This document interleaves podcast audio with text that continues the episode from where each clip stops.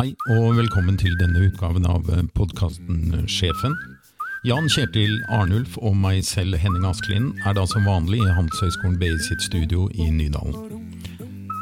Jeg har alltid hatt glede av å kjøpe flyplasslitteratur når jeg er ute og reiser, og da gjerne litteratur som er vinklet helt eller delvis mot ledelse. Jeg har i dag derfor med meg seks bøker inn i studio som jeg mener i større eller mindre grad kan være nyttig for den som ønsker en karriere innen ledelse. Hør nå på Jan Kjetil sine tanker om disse bøkene. Så velkommen Jan eh, Kjetil Arnulf. Nå er det din tur til å være gjest i podkasten vår. Og det er nesten litt skummelt. Takk skal ja, du ha, Henning Asklin. Det er fryktelig skummelt. Uh, I dag er det bare deg og meg her. Det var derfor det var litt folk her. Ja, du så det. jeg så det. Du merka det. Det er bra. Observant, du. Og så har jeg med meg en del eh, Altså, det vi skal prate om i dag, det er um, det man kan kalle faglitteratur innen ledelse og flyplasslitteratur innen ledelse. Og alternativ litteratur innen ledelse. Må ikke forveksles med homøpati, nei, nei. men det er noe i nærheten. Så jeg hadde tenkt å vise deg noen bøker. Mm. Jeg har jo lest eh, din bok, den ligger ute i båten min. Oh. Så den har jeg ikke med, men jeg vet du har et eksempel, eksemplar på kontoret ditt. Den heter 'En eh, kultur kalt ledelse'. Det stemmer som du leverte ut i, i, fjor. Og så har jeg tatt med noen eh, bøker, og da er det de tre første. Så er det to av dem som du og jeg har snakket om før, og det er de to til han eh, Christer Eriksen. Ja. Nei, Thomas Eriksen. Thomas Eriksen. Thomas Eriksson nå heter han, for han er jo svensk. Ja. Og denne heter da 'Omgiven av idioter', eller 'Omgitt av idioter'. Og 'Omgitt av dårlige sjefer'. Ja. Idiotene er verre enn sjefene. Ja. Skal jeg overta den? Jeg ser. Ja. Hva syns du om dem? Altså, layouten er jo bra. layouten er fin. Og, og sånn, og tekstene er altså Tittelen er jo helt uimotståelig. Ja, og, og teksten er faktisk også ganske uimotståelig. De, de, de, masserer veldig godt på eh, ens eget syn på verden. Mm. Mm. Så det, det, Jeg har lest gjennom eh, den ene sånn noenlunde, skummet gjennom. Eh, og jeg syns det er en fin samling av gode pubhistorier. Og det er artig å sette mennesker i fargekoder, og de røde og de gule fungerer bra sammen, men han røde må ikke kjøre firehjulstrekker, for da går det galt. Mm. Det er sånne enkle, litt artige historier. Mm -hmm. Det som, det som, jeg mener er forskjellen på faglitteraturen, altså den, la oss kalle det den anerkjente faglitteraturen som dere bruker f.eks. her på BI, det er at uh, faktisk så er veldig mye av denne flyplasslitteraturen den baserer seg på gode historier, gode noveller. Mm. Det, det, heter, det, heter, altså krigshistorier, eller war stories. Ja. Det er at Du tar en person som har vært oppe i et berømt slagsmål, ja. Og så får du vedkommende til å fortelle sin historie den gangen da jeg Ja, ja det er vår story. Ja. Det er jo det samme som uh, altså Locker room talk kan jo også komme inn i mye av den samme gruppa. ikke sant? Det, det, det er, historiene der er, er, typiske historier som man forsterker når man sitter på puben og snakker med kompiser, for å faktisk gjøre akkurat den pubturen til en hyggelig opplevelse hvor folk kan flire av historiene. Mm.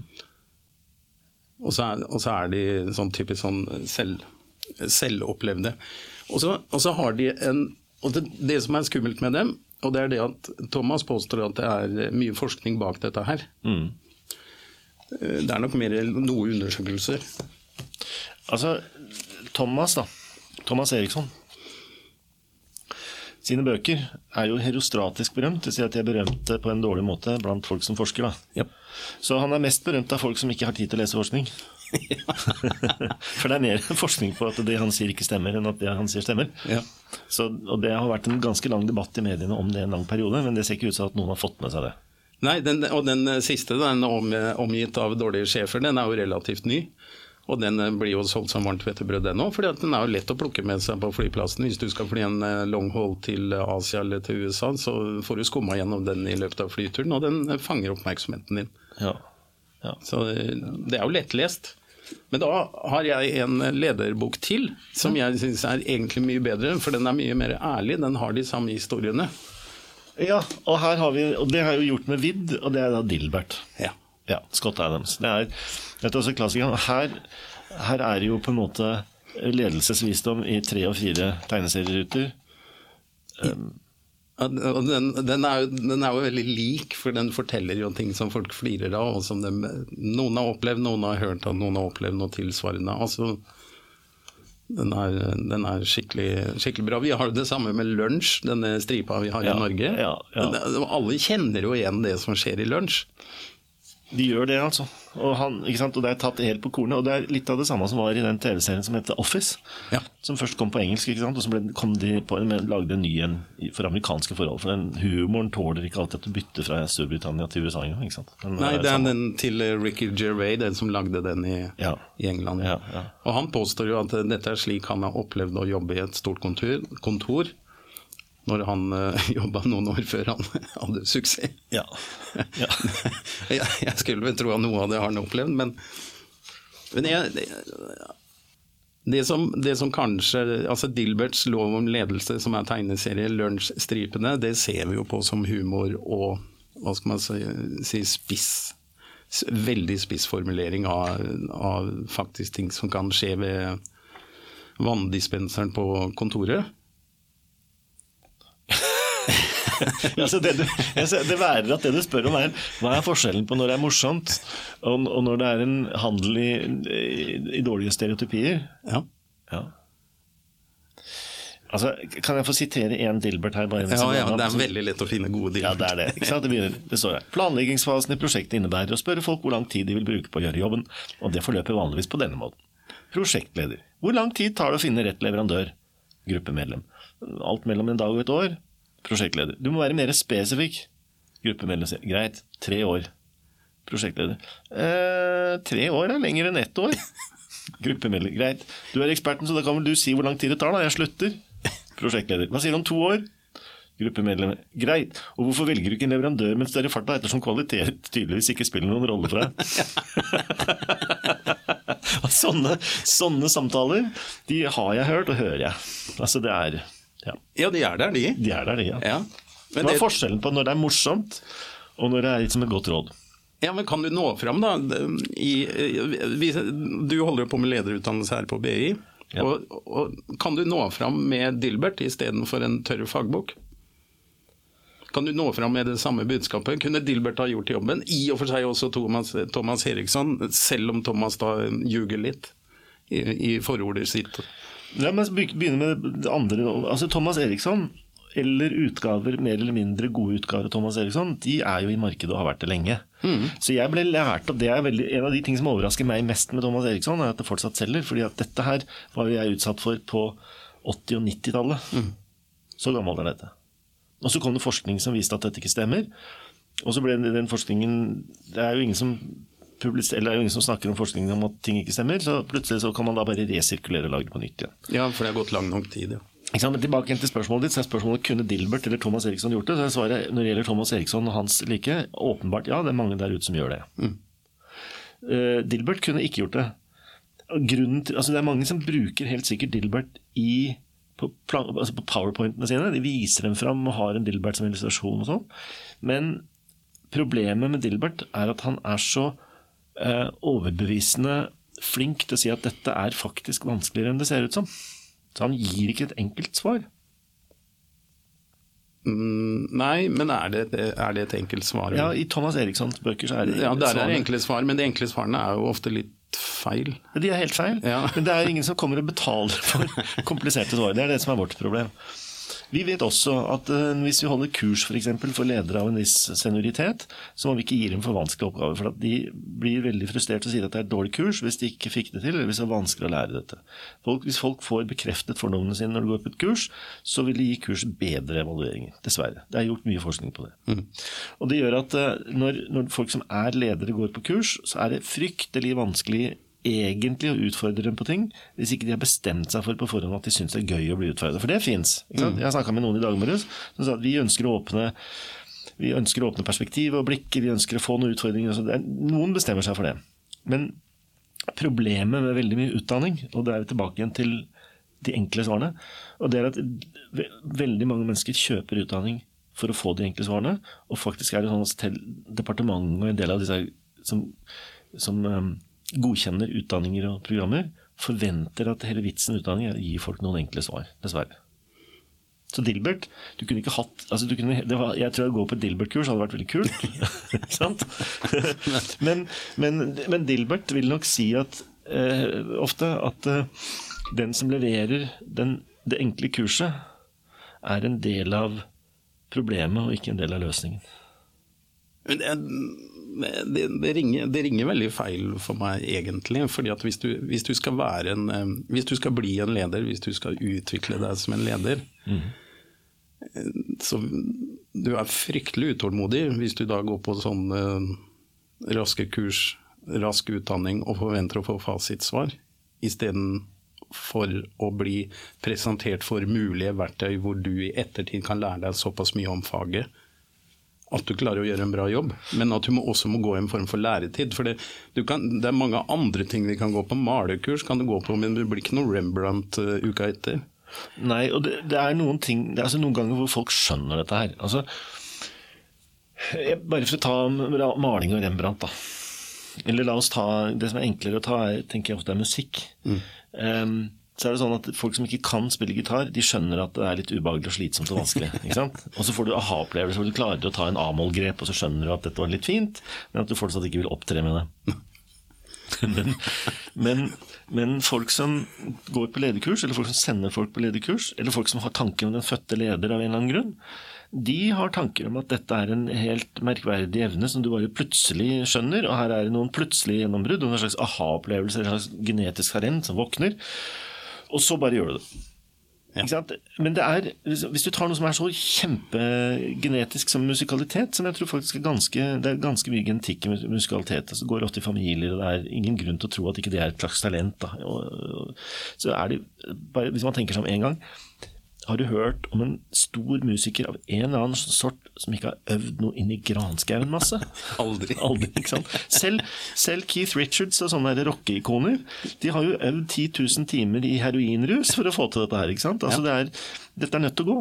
Men, men ledere de skal av en eller annen grunn bare våkne opp og skjønne det. Ja, de har bare blitt tildelt en posisjon og må bare fylle den umiddelbart, gjerne på mandag. Ja, ja, ja og så er det et eller annet med at eh, en slags sånn der, Jeg tror det er der problemet ligger. Det ligger i din egen indre opplevelse av handlekraft.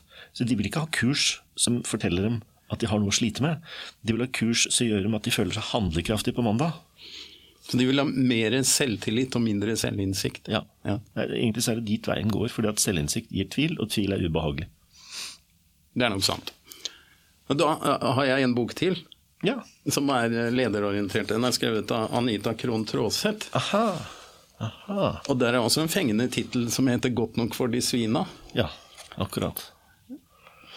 Ja, dette her er, tenker jeg er på en måte eh, mer eh, Skal vi si troverdig, da, i den forstand at eh, Anita skriver jo om seg selv og sin egen bok. Da kan mm. man jo si selvfølgelig at eh, Um, altså Som lærebok betrakta sånn, så det er veldig få som får på en måte godkjent uh, selvbiografien sin som lærebok. ja, det kan man si. Men på den andre siden er det veldig mye lærebøker og forskning som tar utgangspunkt i intervjuer og dagbøker og journaler. Mm. At du får refleksjoner over praksis. Sånn at uh, um, det, som er, det som er interessant da, med denne boka til Anita, det er jo at hun, hun har um, hun har fått en, og syns jeg er velfortjent, status som en berømt norsk kvinnelig leder i, som har stått i media og stått og tatt imot mye rart. ikke sant? Mm. Mm. Um, og hun, hun veit helt sikkert sjøl også ganske mye om forskjellen på berettiget og uberettiget kritikk. i den grad Man kan vite noe om den kritikken mot seg selv, da. men ikke sant, hun har vært uh, kritisert for mye rart, og noe har hun kanskje fortjent, for alt hva jeg vet, og, og, men mye har sikkert skutt forbi. ikke sant? Men når du blir så, når du blir så profilert på en måte som hun har blitt, på godt og vondt, ehm, så har du i hvert fall sett veldig mye av det teatret som omgir ledere. Så hvis man da leser en bok hvor vedkommende selv sier at dette her er lederens egne tanker om mot, sårbarhet og troverdighet, mm. så, så det er ganske redelig. da. I hvert fall det er det du har. Så hvis du er blodfan, så kan du tro alt. Og hvis ikke du er fullt så fan, så har du i hvert fall liksom, får du en innsikt i hva hun har vært med på. Og hvis du ikke liker det i det hele tatt, så har du i hvert fall den gode siden at hun sier at dette er mitt innlegg. Istedenfor å si at sånn er det, fordi jeg vet hvordan verden er. på en måte. Jeg syns dette er en mye mer skal vi si, uh, hederlig Ja, den er veldig ærlig. Veldig ja. ærlig bok. Og, og, noe av det første jeg tenkte, var at uh, den er ikke spesifikt skrevet av en kvinne, og jeg har aldri opplevd at kritikken av henne eller kommentaren om henne i, i det offentlige rom, da, altså i media, har veldig fokusert på at hun er en kvinne. Og det syns jeg er veldig, det er veldig fint. At man ikke er fryktelig opptatt av det når det gjelder en leder. Hun har tydeligvis med den der oppdragelsen hun fikk av faren sin, eller de beskjedene hun fikk av faren sin, så har hun liksom hoppa over det problemet der, og bare ja. hoppa bukk over det. Ja. Det er veldig bra. Det er det. Og, men som sagt da, så syns jeg at hvis um, det, er, det, er, noe friskende og godt med når folk har et innlegg i en pågående debatt, f.eks. om ledelse, ja. og så sier de det som står her, altså, det er mine tanker om dette. Så tenker jeg at det er en um, man, tar ansvaret for å si at dette er noe jeg har meninger om, og så er de basert på mine opplevelser. Men opplevelsen der, hun er liksom sånn eh, folk som har vært på Nordpolen og litt sånn, så hun har, vært ute i ganske stormfulle vær. Og ja, ja. Hennes, hennes, erfaringer er opplagt en del av norsk offentlig lederhistorie. Absolutt. Jeg likte den. Ja. Men så har vi den eldste boka. Åhå. Sun Tzu, din far. Ja. det, er, det er en lederhåndbok du ikke kan bruke i Forsvaret. Men du kan bruke den eh, mange andre steder. Kan vel bruke den i Forsvaret? Nei, den er litt skummel, for Forsvaret er defensivt. vet du. Og ja, men det er altså Mester Sund, da, som han heter på norsk. Han er begge deler. Mester Sund han sier at den beste krigen er den du ikke fører. Ja. Så han, eh, Mester Sund er ikke noe dårlig, uh, noe, noe dårlig referanse. Hvorfor tok du med akkurat han?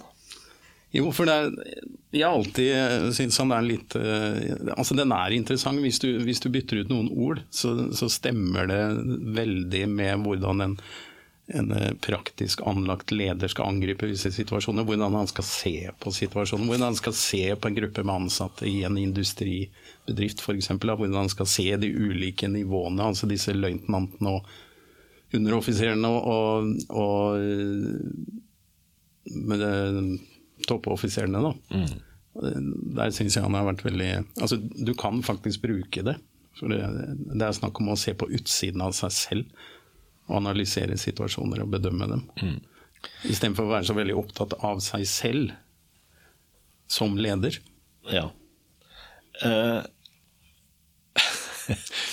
altså uh, skal, vi, skal, vi, gå inn i litt med Sunds og disse greiene? Mm. Eh, jeg tror at det er jo, For å begynne med den siden med, med Sun Tzu, så er han Han, eh,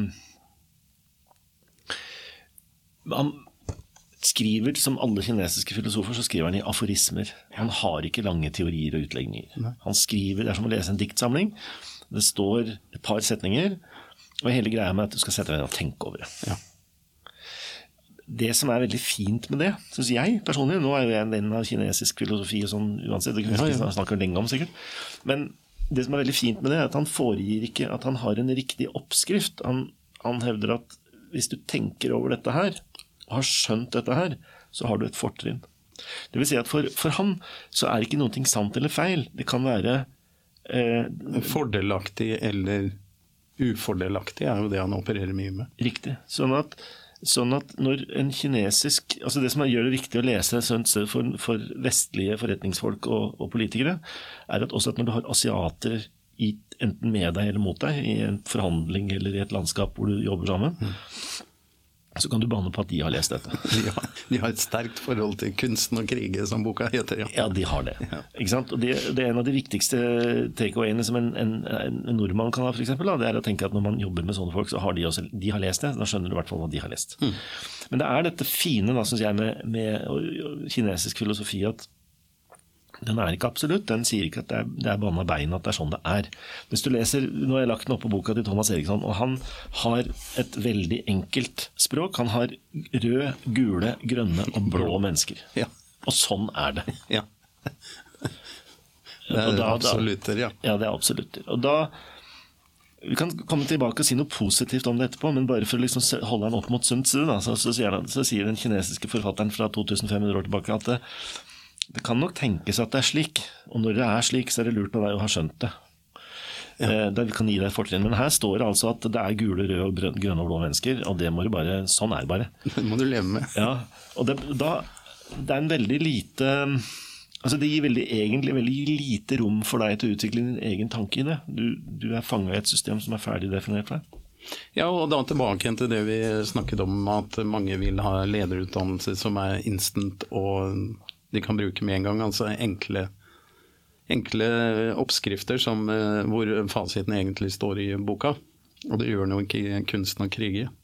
Nei. Men det står den i Thomas Eriksson som om det finnes en fasit. Ja, som om det finnes en fasit. ikke sant. Og da, eh, altså, Jeg holder jo et eh, lederkurs i Kina.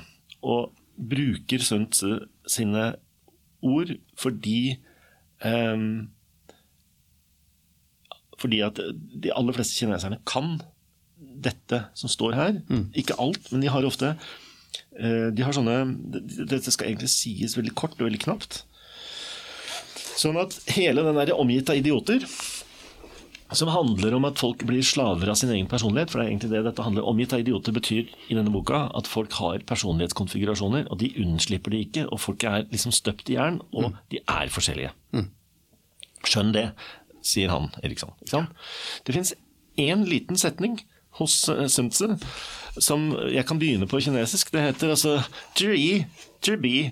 Begynner altså Kjenn deg sjøl, og kjenn de andre. Da kommer du til å vinne 100 slag. Hvis du bare kjenner fienden, ikke deg sjøl, så taper du halvparten.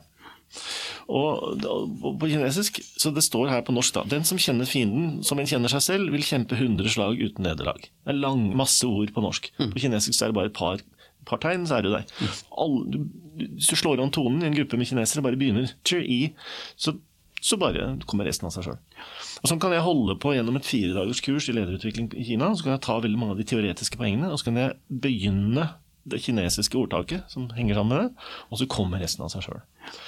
Og Det som er fantastisk med det, da, som vi um, sliter med på norsk, eller i sånne Heathrow-litteraturgreier, at vi kan veldig fort la oss fascinere av lange utlegninger av ting som helt sikkert ikke stemmer. Nei, og så, de, og så, er de, hyggelig skrevet, og du kan flire litt av dem. Og da ja. det blir noveller med humoristisk tilsnitt. Nettopp, og Kanskje Dilbert hadde vært bedre da? Likevel, ja, på mange måter. For Dilbert er mer problemorientert enn løsningsorientert.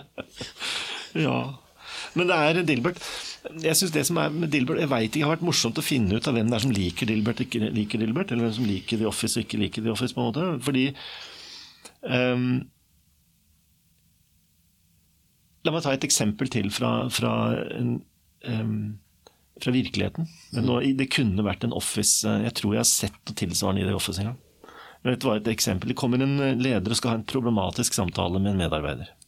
Medarbeideren er ikke dum. Medarbeideren har lang utdanning, doktorgrad og vid erfaring fra arbeidslivet. Og så har de hatt, et, eh, de hatt en uenighet til det. Så kommer lederen og så sier lederen nå har jeg tenkt at det vil være viktig for deg å komme til dette møtet og ha skrevet ned noen tanker på forhånd om hva du har lyst til å ta opp med meg. og så sier medarbeideren litt forbløffet har du vært på kurs, eller? så svarer lederen jeg skulle ønske ikke du ville svart akkurat det. Ja. Den er Dilbert og lunsj. men det er fra min private Det var ikke meg, men, men det var noen i min nærmeste bekjentskapskrets. Så, så, det jeg prøver å si, er at um, vi kan veldig fort, når det gjelder ledelse, uh, komme i skade for å lage ritualistiske forklaringer. De har den fordelen at de er salgbare, for da har du en løsning, du har en enkelt firefeltsmodell, og så har du løsninger på alle spørsmål. Ja. Og da tilfredsstiller du også faktisk departementets krav til såkalte læringsutbyttebeskrivelser. Ja. Og da har Det er ikke sikkert du kommer i mål som leder med den bagasjen. Garantert ikke. Nei. Garantert ikke. Da mister du noe. Skal vi ta den siste boka, ja. som jeg syns er veldig bra. Den er skrevet av Toppen Beck. Ja. Og den heter 'Moderne skikk og bruk'. Nå, Henning, vent før du gir den til meg. Før du gir den til meg.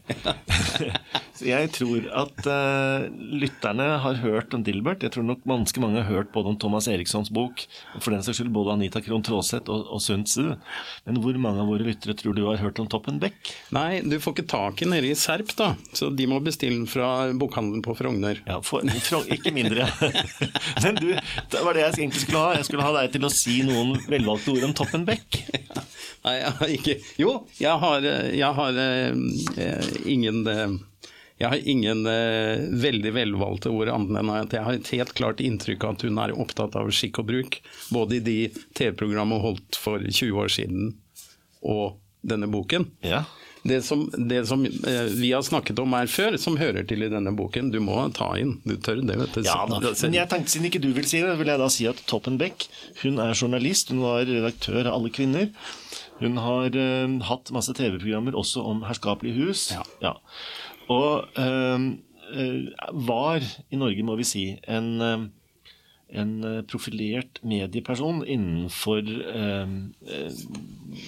vet ikke hva jeg skal kalle det, men litt sånn sosietetsreportasjer før Se og Hør.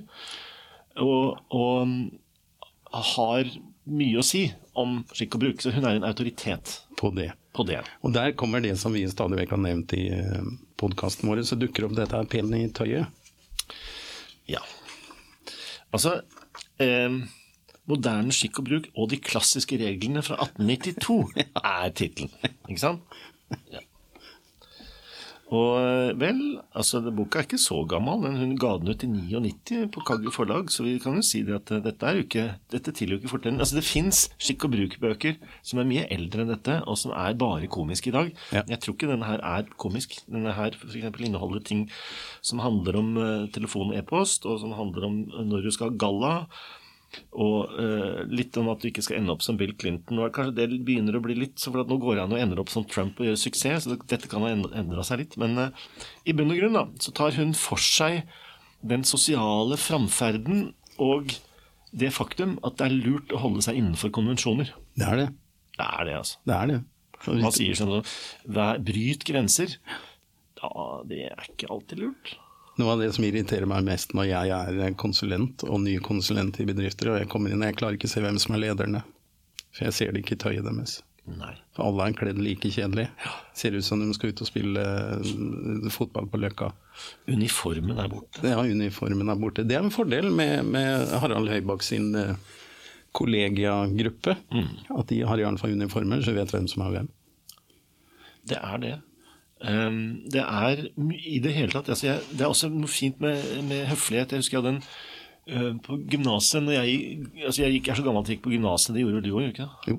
Nei, det gjorde jeg. Jeg gikk på videregående. Jeg var blant uh, de første. Ja, Men ok, på den tida i hvert fall så hadde jeg en fransklærer som hadde, bo- faktisk hadde bodd i Frankrike og lært å oppføre seg, i motsetning til oss fra Nesodden som aldri har prøvd engang. Og uh, han sa det at han syntes det var egentlig litt fint med um, å være dis med folk, og det kan jeg føle. At, fordi du trenger ikke å bry deg så veldig. Så bare at du, Høflighet og konvensjoner gir deg en mulighet til å skjule deg bak dem på en måte som gjør at du oppfører deg ordentlig mot andre folk uten å investere så forferdelig mye i det. Ja, men den, an den andre siden er jo det at du provoserer heller ikke, da. Ved å være innenfor konvensjonen. Altså, hvis, La oss ta de alminnelige reglene i Tom Beck sin bok. Skal vi begynne der? Ja, vi jeg syns det er ganske bra. Altså. Ja, dem er bra. Alminnelige regler, dette er punkt 1 til 4. Man kan omgås hvem som helst, Ja. fra høyt til lav, når man 1. opptrer slik som det passer for ens alder og stilling. 2. viser høflighet og imøtekommenhet. 3. er naturlig og like til i sin fremtreden. Og 4. er fylt av vilje til å være like oppmerksom mot andre som en gjerne vil at de skal være mot en selv. Det er ikke noe feil i det, vet du. Det er ikke noe feil i det, altså. um, og så får jo um, mer spesifikke regler som er vanskelig.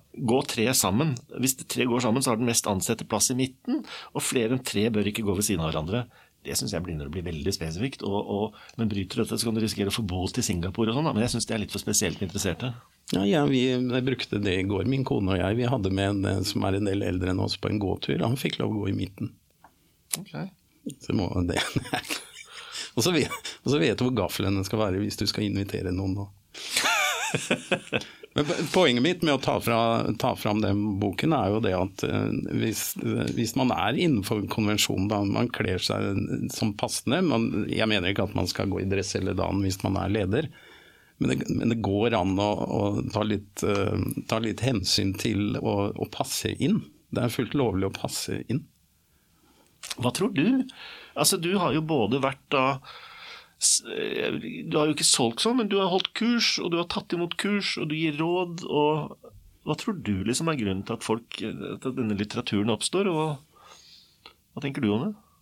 Jeg tror at denne Heathrow- eller flyplasslitteraturen, den, den eh, med fancy titler, da, eller eh, catchy titler, den blir den blir valgt av ledere eller folk som vil bli ledere, uh, ut ifra at de faktisk er litt redde for hvordan de skal få gjort den jobben. Dessverre så er det jo slik at det å være leder, det inneholder både status, prestisje, penger, posisjon, makt. Det er, mange, det er mange ting som tiltrekker et uh, menneske og ønsker å være leder. Uh, det er jo ikke noe spesielt på at de har noe talent for det. Det er jo ikke det som trekker dem dit. Vil, hvis du er dyktig til å spille fotball, eller som du sier musikere, så er det jo egentlig talentet som starter deg, iallfall. Og så er det innsatsen og disiplinen når du trener. Men ledere er noe du bare kan bli fra fredag til mandag ved at en over deg har valgt deg til det. ikke sant? Ja, Det er derfor jeg tror at La oss bare prøve å holde tak i to litt ulike utfall av utdanning. Altså vi, La oss gå tilbake til fotballspilling. da. Eller du kunne hatt musikk, men kanskje fotball er enklere på en måte. Mental trening er viktig for mange sportsutøvere. Så er det vanskelig å tenke at det fins en mental aha-opplevelse over helga som ville gjort meg til en god fotballspiller. Sånn er det ikke. Nei, det er jo ikke det. Nei, Og da får du en feedback. Du får en feedback som gjør det ganske tydelig at det ikke er sånn. Sånn at alle parter har den feedbacken. Mm. Um, det som er mye, mye, mye vanskeligere når det gjelder utøvelse av ledelse, er at um, ledelse for det første ikke er en konkret aktivitet. Det er veldig vanskelig å si hva det å utøve ledelse egentlig går ut på. Det starter der. Ja, det er, og er, jeg tror at veldig mange av de som ønsker å bli ledere, ønsker ikke å bli det fordi at de vil utøve en konkret aktivitet, de ønsker det fordi at de vil ha den posisjonen. De har et, de et forenkla syn på selve arbeidsoppgaven, veldig mange som ønsker å bli ledere. Ja, og da har du på en måte flytta kvalitetskriteriene fra objektive resultatkrav på utsiden? Altså på hva Hvis jeg sykler og faller av sykkelen, så fikk jeg ikke til det. Hvis jeg skyter og bommer på mål, mm. hvis du tar fra meg ballen hele tida, mm. så skjønner jeg at jeg får ikke til dette her. Hvis jeg kommer på jobben og er sjefen din på mandag, og du tar fra meg ballen hele tiden og protesterer på møtet, så jeg, er jo jeg fri til å legge en, en, en etikett på deg og kalle deg en bråkmaker, en trøbbelmaker, en grønn person. Altså, ja, ja. Ut. Så jeg kan definere ut din atferd som irrelevant som feedback på min lederatferd. Mm. Så jeg er en god leder, og av den grunn så setter jeg en parentes rundt deg. Ja. Det, det, er et privilegium som du nesten ikke har i noen andre former for uh, ferdighetsutøvelse. Nei, for det fins jo ikke noe Det er jo en subjektiv vurdering som ligger til grunn for ja, helt, det som skjer. Helt til du ikke lykkes som leder. Men mm. da er det sånn veldig ofte at om du lykkes eller ikke lykkes, så ligger den jeg skal si, sannhetens time den ligger så langt ut i tid mm. at den er veldig vanskelig å knytte til eh, hva jeg gjør med deg eller ikke gjør med deg i løpet av dagen i dag. Ja. Som du sier, at, Hva er det viktigste som skjer over natta når jeg blir leder? For meg så kommer det til å være et subjektivt indre kriterium, nemlig min følelse av at jeg er i min gode rett til å ha denne jobben. Og dette skal jeg pokker meg få til. og jeg altså Hvis jeg går på et kurs som gjør at jeg føler meg bedre, så er det rett og slett fordi at jeg føler meg tryggere i rollen. Ja, og, og på den måten så mener jeg at kurs kan være bra. Hvis du blir trygg, så mister du jo Eller da fjerner du deg en del fra frykten, kanskje, for å gjøre feil, eller ja, eller men, å være dårlig, da. Men det er forskjell på det der. og det, det, Jeg prøver å bore litt på den der. fordi at mm. hvis, hvis alt jeg går på kurs i, er skal, hvis, hvis, et godt kurs bare gjør at jeg kan gå rundt og si kule ting og føle meg vel, Nei, det, holder. Fort, det holder ikke. Det altså. holder ikke. Nei, det holder ikke. Men hvis det kan hjelpe deg til å få mer selvinnsikt Altså at du, du, forstår dine begrensninger og du skjønner at dette må jeg jobbe litt med. Jeg lærte litt Jeg fikk noen fasitsvar, og så fikk jeg en forståelse for at dette er mer kompleks enn jeg hadde tenkt meg når jeg ønsket meg denne posisjonen, så har du en sjanse, da. Ja, men, og her, dette er jo også egentlig lederutvikling i, på et tidlig stadium, så vi kan, vi kan jo vise at feedback gir ikke selvinnsikt. Grunnen til at feedback ikke gir selvinnsikt, er at de aller fleste som får negativ feedback, veit at den feedbacken var feil. ja. Da, hvis, du, hvis, du, takler negativ feedback, så har du antagelig selvinnsikt nok. Eksakt. Eksakt. Okay. Så det fins både forskning på det og feedback på det. Og det enkle, enkle forklaringa er nemlig den at det, hvis feedbacken viser deg at dette fikk du ikke til, mm. så vil du få føle et emosjonelt ubehag rundt det. Det er helt naturlig at man gjør. Altså, jeg fikk det ikke til, jeg klarte ikke, det var ikke så god som jeg trodde, folk liker meg ikke. altså Alt mulig rart. Altså, ja. det, det, vil gi en eller annen form for frustrerende opplevelse. Ja. Og det er derfor noe personlighet er knytta til lederut... Altså, det snakker jo ikke han Thomas Eriksson om i den boka si i det hele tatt. for Det såkalte personlighetstrekket nevrotisisme er ikke med i hans bøker. Men nevrotisisme er da kan du si, hvor emosjonelt følsom du er. Og folk som er veldig lite emosjonelt følsomme, de tåler ganske mye negativ feedback uten å forsvare seg mot det. Ikke sant? Mm. Det, det, er, det, er, ganske tøft, altså. Det er ganske mange ledere som folk flest også liker ikke egentlig Så de som drev med sånn feedback-forskning, de fant ut at heller enn å drive feedback, så burde man drive opplæring. For akkurat som du sier med f.eks. å spille gitar, så er det sånn at det kan se lett ut, men når du begynner med det, så oppdager du at det er vanskeligere enn du trodde. Og Derfor så tenker vi at hvis du lærer ledelse, hvis du lærer om ledelse på forhånd, og hvis du, særlig hvis du starter tidlig Nå skal ikke jeg forgylde Forsvaret, men det er enklere hvis du er nødt til, f.eks. når du er 21, da, å forholde deg til fire, fem, seks cal rundt deg og forsøke å få de til å gjøre noe. Mm. Og så får du litt opplæring i hvordan det burde foregå. Så starter du ut eh, relativt tidlig, du har ikke så mye å forsvare deg mot. Du, du, får noen ferdigheter som du kan begynne å tenke på, som hvordan skal jeg gjøre dette? Mm. Og da vil feedback etter hvert spille en større rolle, for da har du et, en tankemodell å relatere den feedbacken til. Så da har du lyst til å få litt feedback etter hvert, hvis du kan noe om det. Sånn at de folka som drev forskning på feedback, de sa det at feedbacken i seg selv, den får bare folk til å føle seg angrepet. Så feedback i seg selv kommer ikke til å virke. Det som kommer til å virke, er at du først får en opplæring, så du skjønner at du ikke skjønner, og så får du feedback når du prøver deg. Da hjelper det. Men kan det modereres hvis du da hvis du opererer f.eks. med en mentor da, som du, du, du, er vanlig med å få feedback fra, og så, og så får du grader av positive negative tilbakemeldinger, så vil du kunne klare på en måte å den, den, samme mentoren som da har gitt deg positiv feedback på en del ting du har gjort og du har fått til, og du har vært på kurs og du har lært deg ting, og du drøfter med mentoren og, og får, får liksom følelse at her er en gjensidig Eh, hva skal man si, en gjensidig samtale som bygger seg opp, og så får du litt negativ feedback. Den type feedback må jo være noen som er egnet til å Ja, altså i, i, Det er en annen ting med feedback, at kilden er viktig. Ja. Så alle som, alle som har en sjef som, Her er en bok som heter sant, 'Omgitt av, eh, hva heter for noe? Omgitt av dårlige sjefer'. Mm. Og uh, sjefer vet de, de får ikke feedback av sine nærmeste. Den, den, er indirekte, den feedbacken. Fordi at alle som vil seg selv vel, skjønner at de må ikke si til sjefen hva de tenker. Nei. så, så der er også gitt en del Og det, det sjefer kan, da, hvis du gir sjefen din dårlig feedback, så er sjefen din helt fri til eh, å definere det akkurat sånn som vedkommende vil, som f.eks. om at du har ikke peiling, eller er en umulig person, eller en håpløs Altså, det er farlig rett og slett å gi sjefen sin dårlig feedback, så det gjør du ikke. Jeg pleier å gi et uh, råd at eh, hvis du absolutt må gi sjefen din negativ feedback, så pass på at du ikke er veldig følelsesladet i det øyeblikket. Ikke gjør det i det du har lyst. Tenk deg godt om, og ja. spar på den en stund. Nettopp. Men alle, alle, mennesker har en oppfatning om sjefen sin. Det fins ingen som ikke har en oppfatning om sjefen. Det betyr at det, når du blir sjef, alle som er sjef, de er omgitt av folk som har mange tanker om dem, men som ikke sier det. Mm.